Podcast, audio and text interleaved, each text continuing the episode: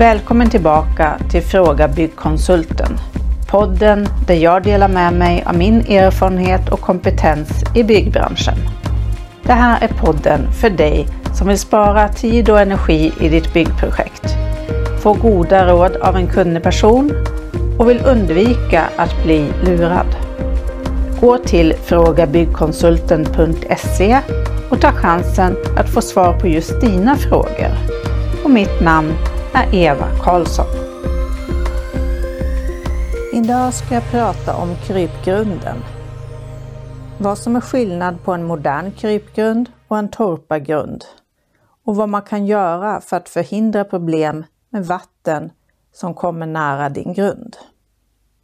En krypgrund är ett grundläggningssätt där huset vilar på låga murar så att det bildas ett hålrum under huset.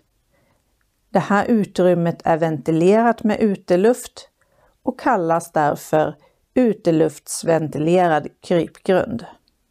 Konstruktionen har använts under lång tid och tidigare kallas det torpargrund. Det är en förhållandevis billig lösning med flera tekniska fördelar. Och för en del småhuskonstruktioner som byggs idag så är det det enda sättet att grundlägga på. I dagens moderna krypgrunder ventileras det lika mycket sommar som vinter. Så det är uteklimatet som styr fuktförhållandena i grunden. När det är kallt ute så kyler ventilationsluften marken inne i grunden. Sen när det blir sommar så blir luften varmare och den kan hålla mer fukt. När den här varma fuktiga luften ventileras in i grunden så kyls luften av och det kan bli kondensutfall både på blindbotten och på markytan. Alltså även i en korrekt utförd grund utan inläckande vatten och utan fukt från marken så blir det fuktigt under sommaren. Och den här fukten är väldigt gynnsam för tillväxt av mögel och bakterier.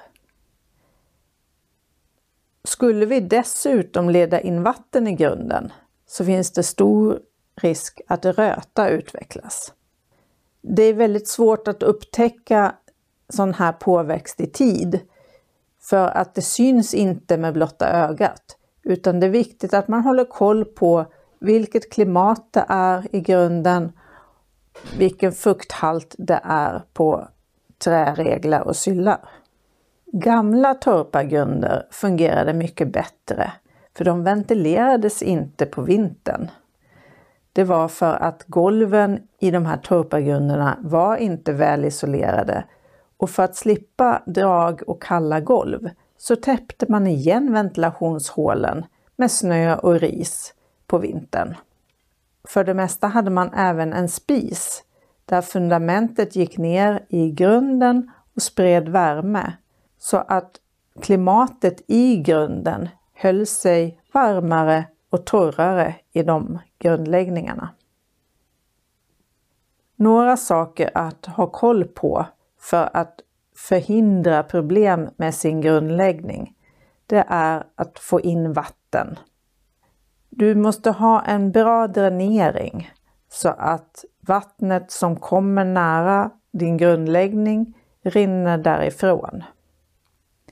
Det ska finnas ett dräneringsdike med eller utan rör runt ditt hus och marken ska luta ut från grunden så att vattnet rinner bort och inte in i din krypgrund. Dina stuprör ska du se över så att de fungerar på ett bra sätt.